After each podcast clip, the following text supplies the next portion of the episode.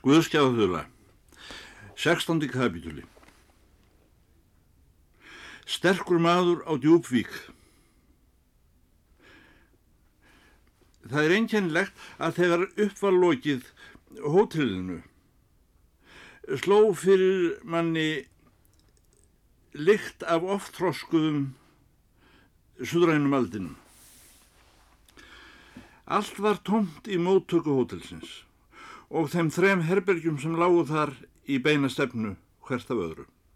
Setustofunni innar af móttökunni og matsalnum þar innar af.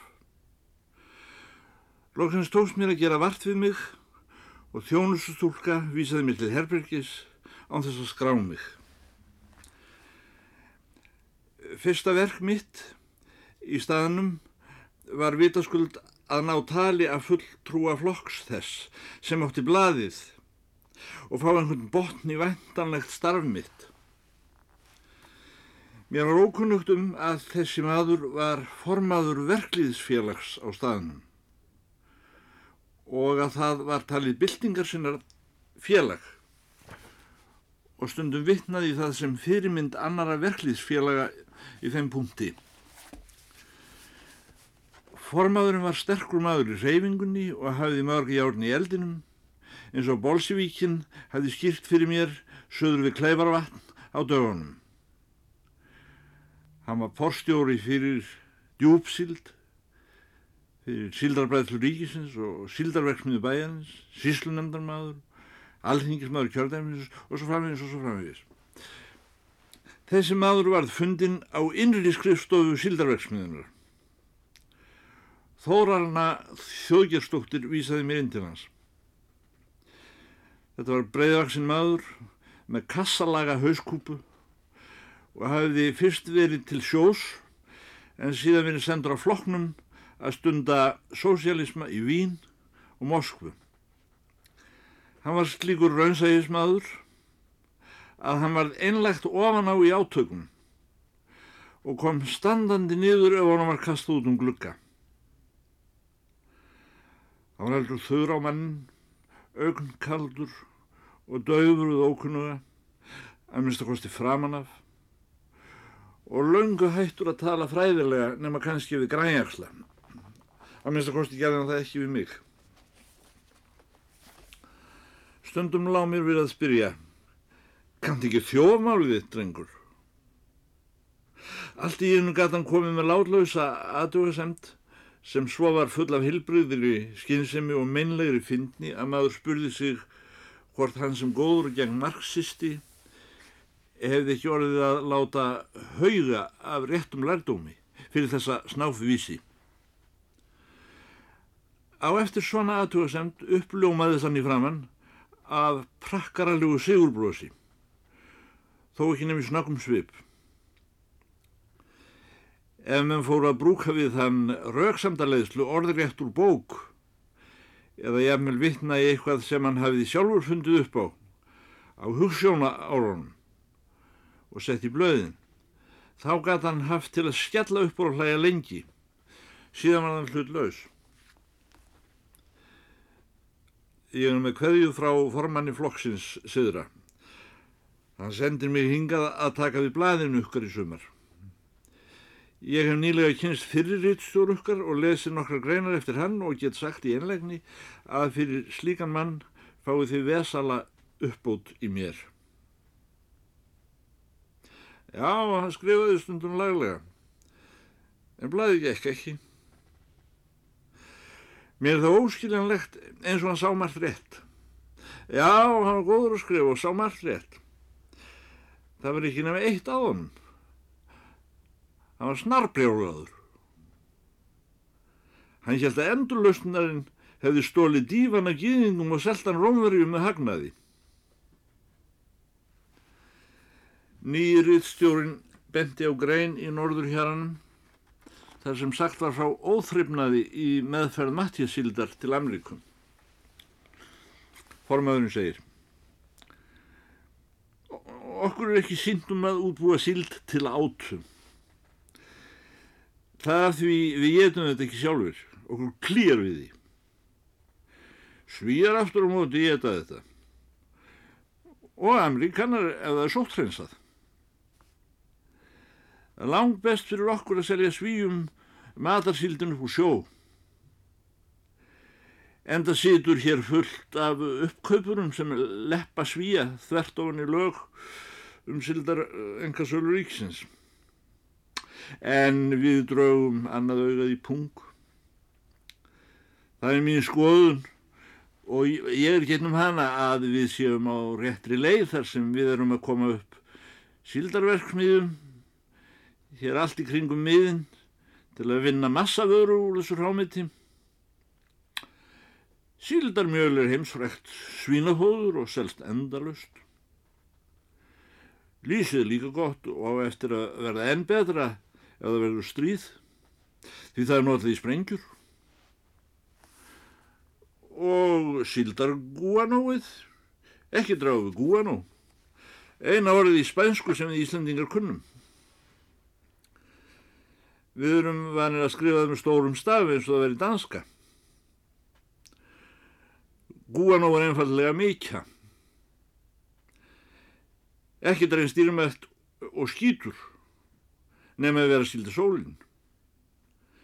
En það er mér sagt að fornmenn hafi trúa bæði á saur og sól bros.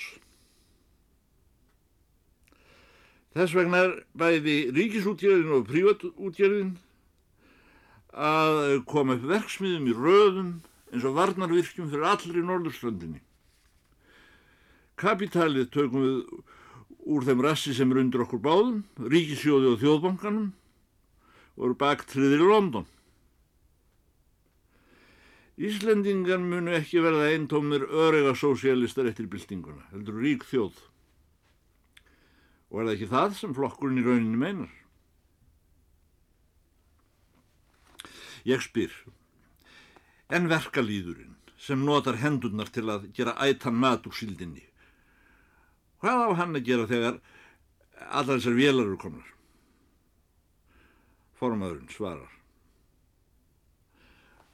Hvaða vitir í því að hóa hinga hvern fólki hvaðan ef af landinu og, og tala um síldarplanið okkar eins og þegar verður að auglýsa óperuballið í Vín eða kjöttkveðjuháttíðina í Nissu. Þegar best lætur fá þessar stúlkukindur að standa hér á þessu fræga plani og hverka og hviðdraga eina og eina síld í einu og hann í fá eina selkjera í Svíþjóð eða Amerikum. Er á meðan er, geta það er sagt. Í flórunum fæ ég að standa fyrir náð heilags anda, saði Káin. Brós. En þau eru fleiri sumrin sem þessar stúlkur eru sendar heim til sín tómhendar í lokinn. Stundum á ríkisins kostnað. Oft andlega og líkamlega niður drappaðar eftir sumaðrið. Ég haf mér þjáðar af hungusneð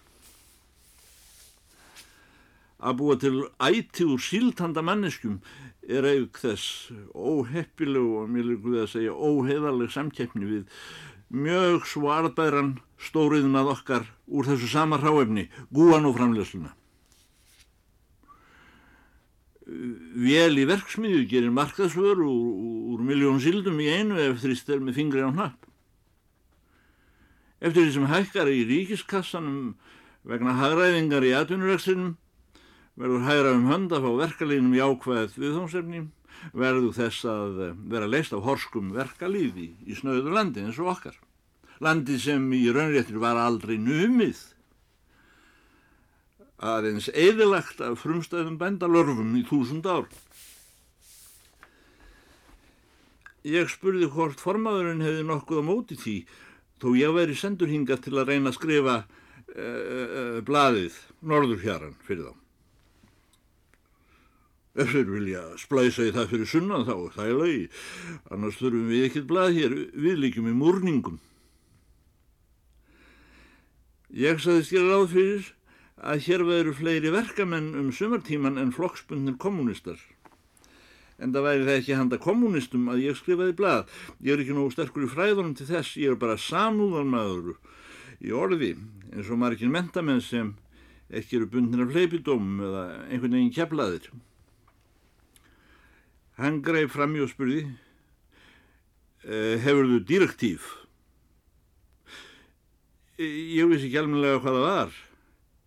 En uh, ef þú meinar fyrirmæli sagði ég þá var mér sagt fyrir sunnan að það digði ef ég hefði heimsbyltinguna að leiðaljósi í hagrænum atriðum og, taktík skildi ég snúa mér til þín. Ég skipti mig ekkert að því sagði hann. Ég hef nóg annað Ég get svo sem gengi með þér í prentsmiðuna, ég hef hvort sem er ekki komið þar í fimm ár. Prentsmiðan var til húsa í skúr upp af einni söltunarbreykjunni í krók undir fjallinu og hefur líklega verið gilskorningur í fyndinni. En fjallið á bakvið var ekki brattar en svo að það var verið að reysa enn eina síldarverksmiðu utan í hlýðinni upp af prentsmiðunni við jarðraski þegar gerður var grunnur að þessari verksmiðju höfðu runnið skrunur af mold og gróti á brekkun og stöðvast á prentsmiðunni. Skekti henni grindina og begla bárujárnið. Það hefði líka komið stálitið af mold og mölinum rifur sem mynduðust í prentsmiðju vekkina við áhrunnið. Formaður prentsmiðjunar hefði líkil. Það var mold á gólfinu og mold á lyktinni. Hér þurft að móka út, sagði ég. Á, sagði hann. Hvað eru prentarannir?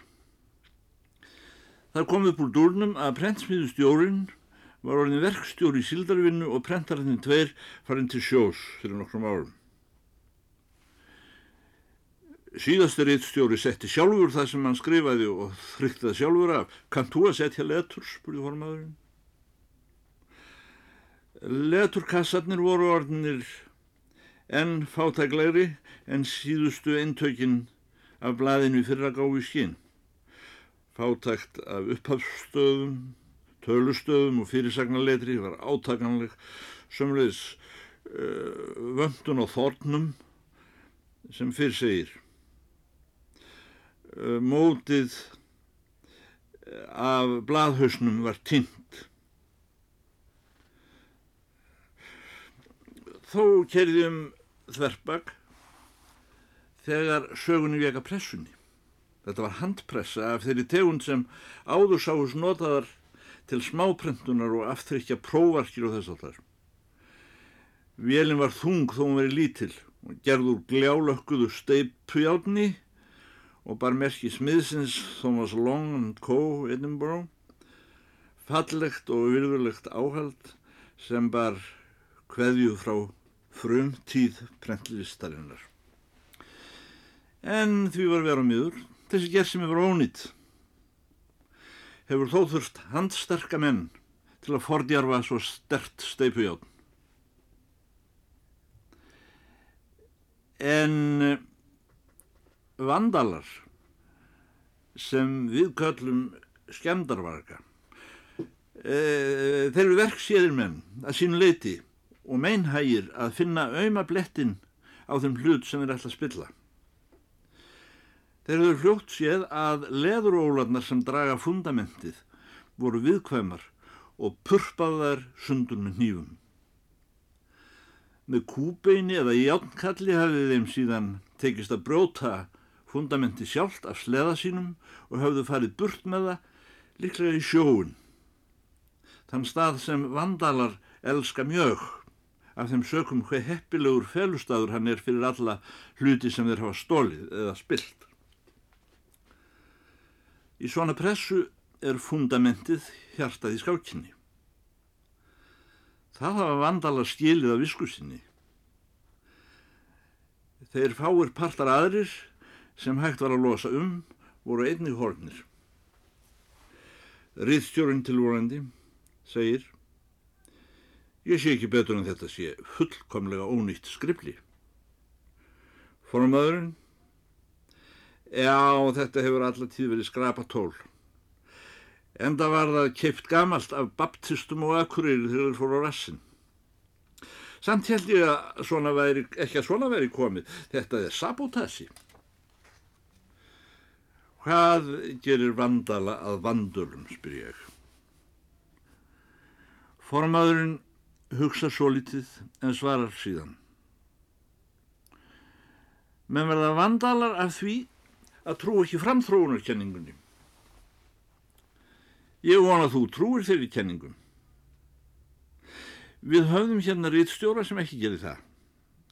Hann hjælt heimurinn gengi aftur á bakk og maðurum veri lagsta þrepiði í afturför heimsins. Og við ættum að læra að miða allt okkar líf við það. Til dæmis hægt að lesa. Er það anarkokommunismin eða hvað? Ekki segi það, sagði hann.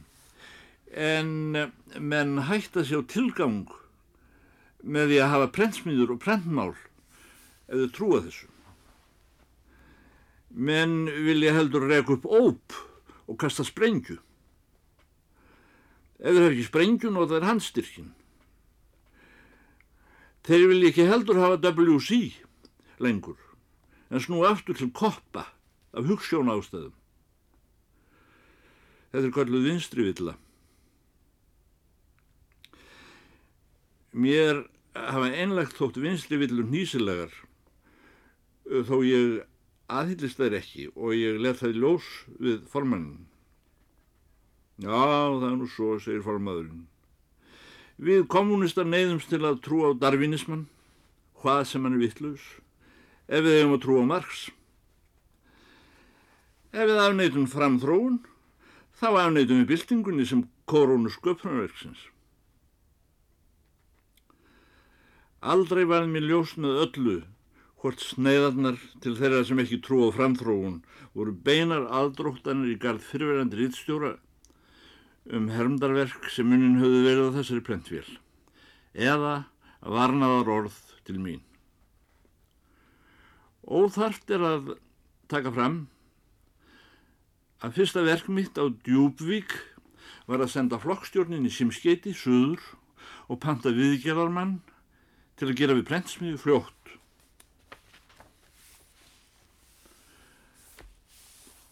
Söðhandi kapitúli Englarnir Svo vel vil til að enn lumi og minnisbók þó með slitróttum ferslum. Stundum dagsettum, stundum ekki frá dögum mínum á Djúpavík það sumar.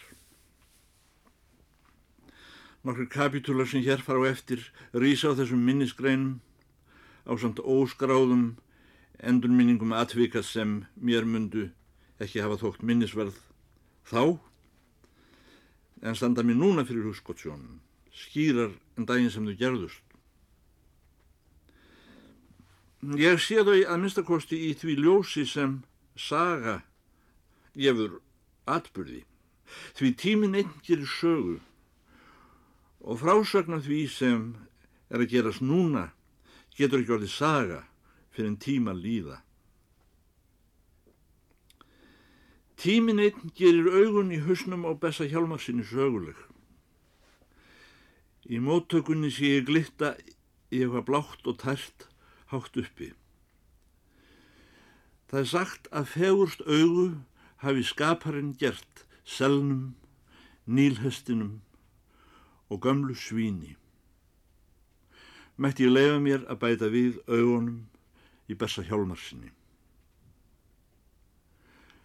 Undarleg hvað þessi stór útgjörðamadur hefði líka góða sjón í þessum augum. Engum og auka atriði.